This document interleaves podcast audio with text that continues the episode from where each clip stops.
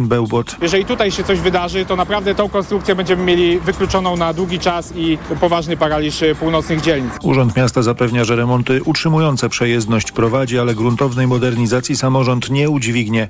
Władze od lat przekonują też, że strategiczna trasa do portu powinna być utrzymywana przez państwo. Z Gdyni Paweł Radzewicz, TOK FM. Po kolizji trzech samochodów osobowych na drodze krajowej nr 11 utworzył się 14-kilometrowy zator. Utrudnienia w zachodniopomorskim występują na odcinku między Koszalinem a Bobolicami. Ruch odbywa się dwoma pasami ruchu, nie ma osób poszkodowanych. Teraz sprawdźmy prognozę pogody.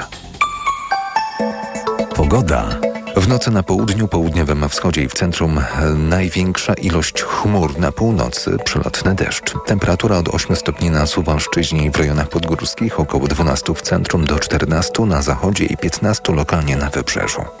Radio TOK FM. Pierwsze radio informacyjne. Skołowani. Dzień dobry, Krzysztof Woźniak przed mikrofonem. Zapraszam na kolejnych skołowanych. W dzisiejszej audycji porozmawiamy na temat polityki rowerowej w polskich miastach, a raczej powinienem powiedzieć polityk rowerowych w polskich miastach, bo obraz jest bardzo, bardzo zróżnicowany. Obszerny raport na ten temat został opublikowany przez Obserwatorium Polityki Miejskiej, które działa w Instytucie Rozwoju Miast i Regionów. A autorem całego raportu jest Marcin Chyła, który jest Państwa i moim gościem w dzisiejszej audycji. Dzień dobry.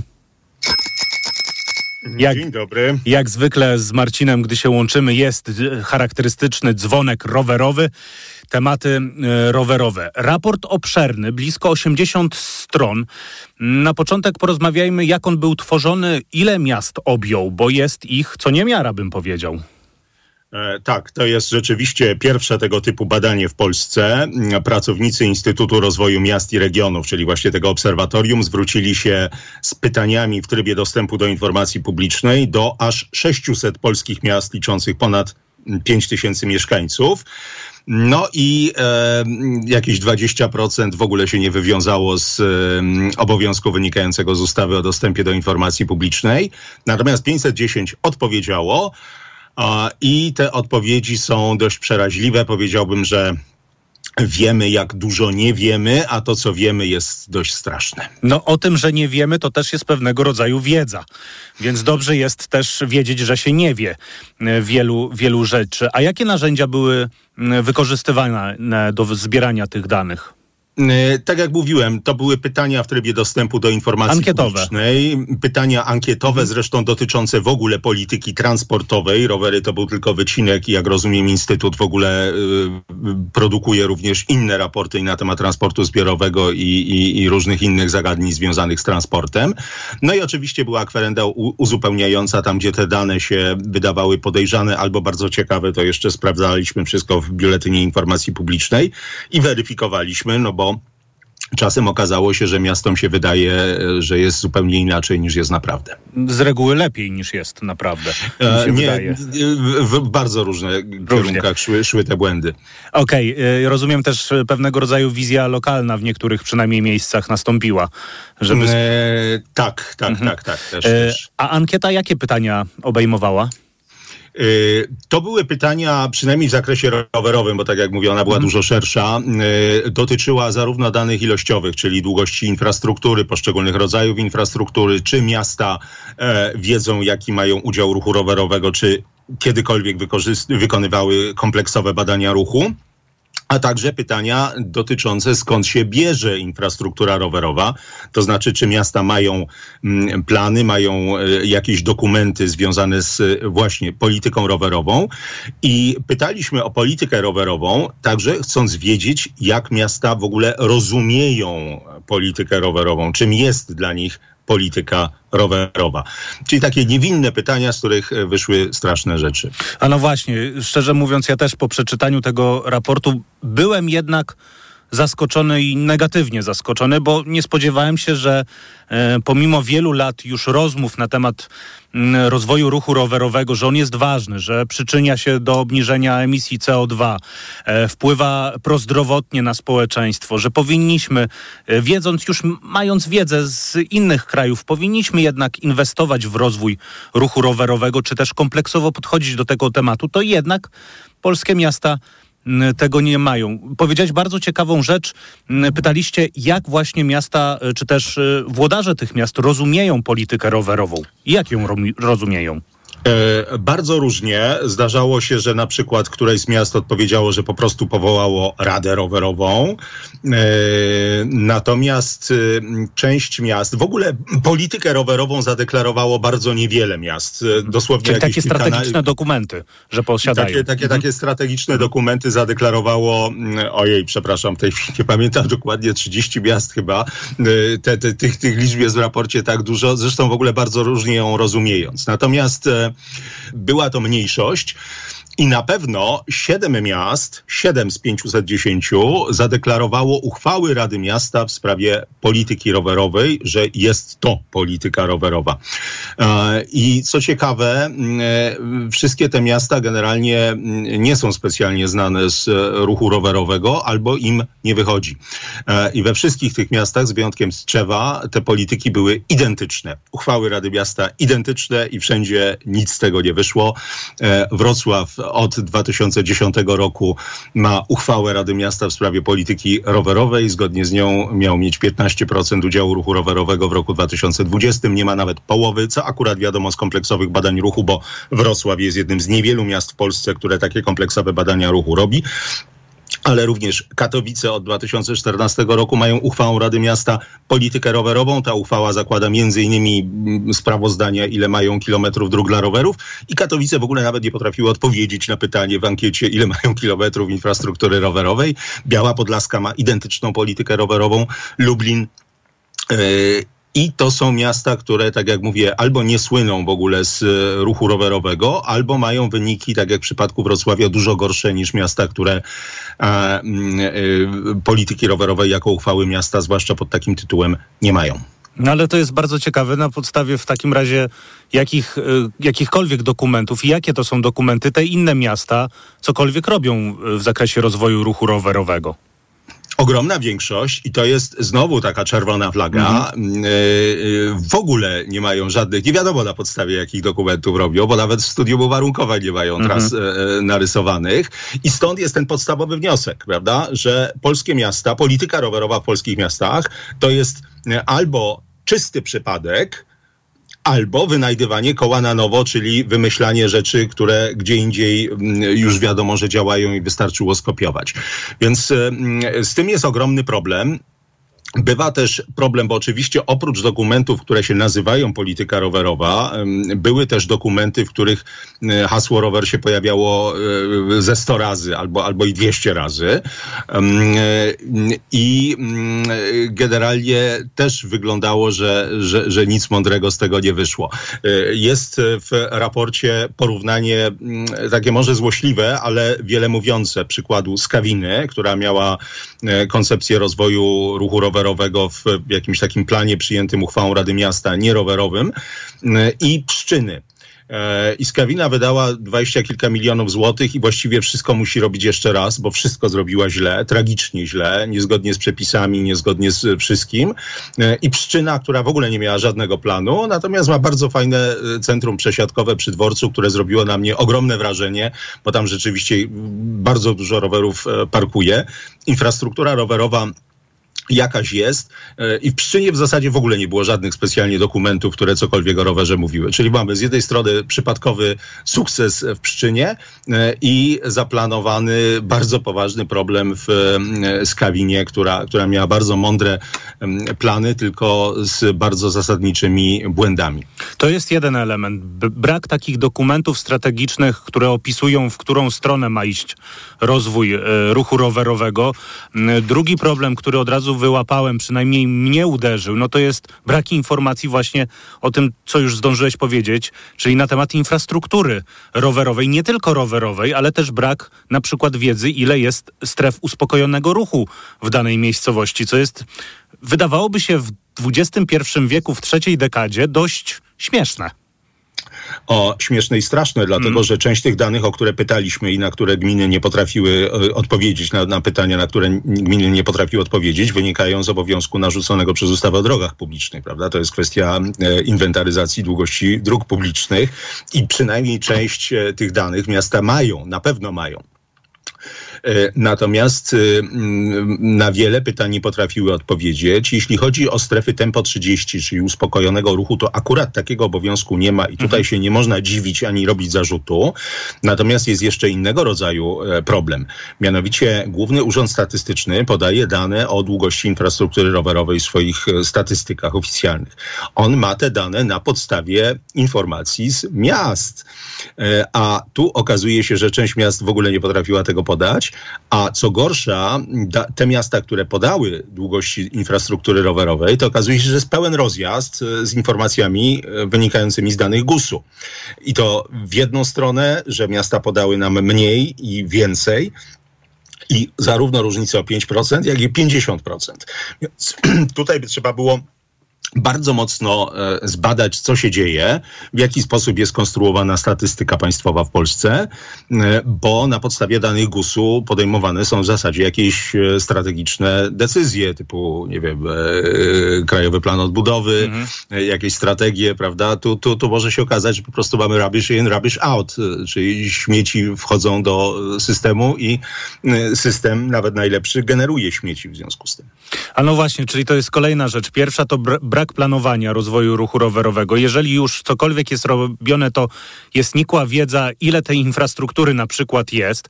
No i trzecia rzecz, e, brak badania udziału e, rowerzystów w modelu transportowym danej miejscowości, a co za tym idzie, no, brak sprawdzania efektywności jakichkolwiek działań, jeżeli one w ogóle są. E, dokładnie tak. E, w ogóle jest uderzające, że te polityki rowerowe, jeżeli one w ogóle były, a tak jak mówiłem, e, tych polityk jest bardzo mało, żadna nie podaje zastanej wielkości ruchu rowerowego bo nie ma kompleksowych badań ruchu, a nawet w tych miastach, w których były badania, to, to, to, to, to w ogóle się te strategie i polityki nie odnoszą do tej wielkości. E, I e, nie podaje, to jest też uderzające, problemów, które trzeba rozwiązać. Mhm. E, w bardzo niewielu przypadkach te wszystkie akty strzeliste, strategiczne nie podają konkretnych problemów, które należy rozwiązać. Tam są wnioski typu zbudujmy 100 kilometrów dróg dla rowerów albo 200 kilometrów, badajmy zadowolenie, ale żadna nie mówi rozwiążmy ten problem, tamten problem, w ten sposób, w tamten sposób. E, przykłady, że tak to jest zapisane, jest bardzo niewiele. To jest e, program rowerowy Poznania, to jest e, gdański program STER, który zresztą w ogóle nie został zrealizowany, co trzeba podkreślić, czy Kraków, który akurat studium ma bardzo precyzyjnie pod tym e, kątem e, zrobione. Tu disclaimer, ja pisałem to studium, w związku z tym no, konflikt, konflikt, konflikt interesów zadeklarowałem. Trudno, żebyś nie chwalił tego studium. No ale tak to należałoby robić, tak to należałoby robić i wiadomo stąd precyzyjnie, gdzie Kraków ma problemy i co powinien zrobić. Jeżeli e, władza w Krakowie zawala, to zawala bardzo konkretnie, bo mm, no po prostu jest cała lista punktów konkretnych, które trzeba zrobić. W przypadku innych miast tego nie ma. E bardzo smutny raport, bym powiedział. Yy, smutny, śmieszny w niektórych miejscach, zatrważający. Polityka rowerowa polskich miast autor Marcin Chyła jest Państwa i moim gościem. Cały raport został opublikowany. Można znaleźć oczywiście w internecie Obserwatorium Polityki Miejskiej, które działa w Instytucie Rozwoju Miast i Regionów. E, część antenowa skołowanych dobiegła końca. Naszą rozmowę będziemy kontynuować w części podcastowej. Tam szerzej przyjrzymy się właśnie tym problemom, jak braki planowania, braki wiedzy, ile jest infrastruktury, jak to wszystko wygląda, braki przeprowadzania analiz ruchu poszczególnych miastach. To wszystko, to wszystko pokazuje, jak niekompleksowo podchodzimy w ogóle do transportu e, w mieście. Za kilka minut na antenie Radia Tok FM informacje, po nich Anna Gmiterek-Zabłocka, Twój problem, moja sprawa. Krzysztof Woźniak, kłaniam się nisko, do usłyszenia. Skołowani. Autopromocja. Mała władza. Tylko w Tok FM Premium. Zaprasza Andrzej Andrysiak. Władza degeneruje, a władza absolutna degeneruje absolutnie. Ta prawda dotyczy także polskiego samorządu. Gdy nikt cię nie kontroluje, gdy masz własne media propagandowe i setki miejsc pracy, które możesz rozdawać swoim, jesteś nie do ruszenia. Pojechałem do małych miejscowości, by przyjrzeć się, jak wójtowie, burmistrzowie i prezydenci zarządzają Polską lokalną. Mała władza. Tylko w Tok FM Premium. Słuchaj na tokefm.pl ukośnik władza lub w aplikacji mobilnej. Tok FM. Autopromocja. Reklama. Tylko w tę sobotę w Aldi. Masło łaciate osełka. Najniższa cena sprzed pierwszej obniżki 17,99. Teraz aż 6 zł taniej. Jedynie 11,99 za aż pół kilograma. Raz Aldi. Zawsze coś z Aldi. Proszę, pana nowe okulary. Dziękuję, ale i tak będę brać Maxiluten, który pani mi poleciła. I bardzo dobrze. Maxiluten zawiera wysoką dawką luteiny i składniki wspierające wzrok, cynk i wyciąg z róży stulistnej. Chociaż w pana wieku jeszcze lepszy będzie suplement diety Maxiluten Cardio. O, wspiera prawidłowe widzenie i dodatkowo dzięki wyciągowi z głogów wspomaga układ krążenia. Z całego serca polecam panu Maxiluten Cardio. Aflofarm. Bo w Media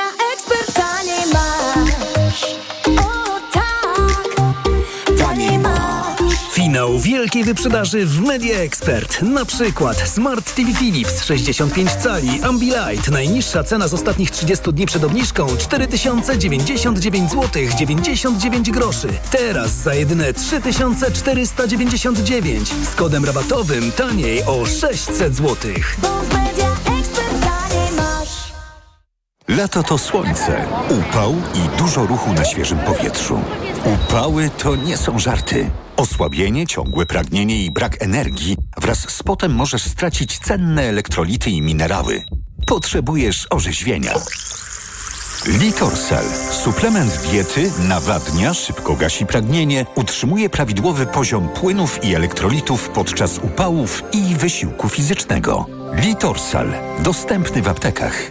Zdrowit. Nawet nie zdajemy sobie sprawy, ile rodzajów grzybów powoduje grzybice stóp. Dermatofity, drożdżaki, pleśnie i wiele innych. Lecząc grzybice, sięgnij po Stepper Pro. Stepper Pro zapewnia prawidłowe leczenie grzybicy dzięki wyjątkowo szerokiemu działaniu na różne rodzaje grzybów. Stepper Pro. Szerokie spektrum leczenia grzybicy. To jest lek. Dla bezpieczeństwa stosuj go zgodnie z ulotką dołączoną do opakowania i tylko wtedy, gdy jest to konieczne. W przypadku wątpliwości skonsultuj się z lekarzem lub farmaceutą. 1 gram kremu zawiera 10 mg glifonazolu. Wskazania. Miejscowe leczenie zakażeń grzybiczych skóry wywołanych przez dermatofity, drożdżaki, pleśnie i inne gatunki grzybów. Aflofarm. Reklama. Radio TOK FM. Pierwsze radio informacyjne.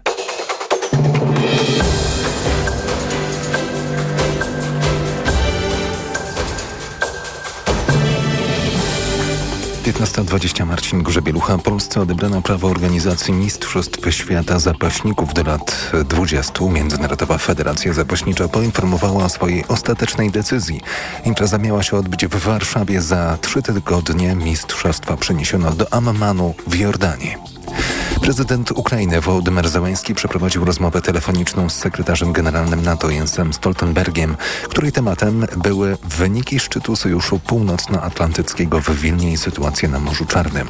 Rosja wycofała się z umowy zbożowej zawartej za pośrednictwem ONZ i Turcji, która umożliwiała transport ukraińskiego zboża. Irlandzki tani przewoźnik Ryanair rozpatruje możliwość wznowienia do końca roku pewnej liczby lotów na Ukrainę. Stanie się tak, jeśli Ukrainie uda się przekonać Agencji Unii Europejskiej do spraw bezpieczeństwa lotniczego i firm ubezpieczeniowych, iż ograniczona liczba lotów do Kijowa i Lwowa jest bezpieczna. A więcej informacji w pełnym wydaniu o 16. Radio TOK FM. Pierwsze radio informacyjne. Twój problem, moja sprawa. Zaprasza Anna Gmiterek-Zabłocka. Anna Gmiterek-Zabłocka. Słuchacie Państwo programu Twój problem, moja sprawa, a ja mówię do Państwa wakacyjnie z Lubelszczyzny. Proszę Państwa, u mnie na początek tematyka związana z tym, co dzieje się w zupełnie innej części świata, gdzie ludzie potrzebują wsparcia, pomocy i pieniędzy, nazywając rzeczy po imieniu. A moim gościem jest Małgorzata Olasińska-Hart z Polskiej Misji Medycznej. Twój problem, moja sprawa.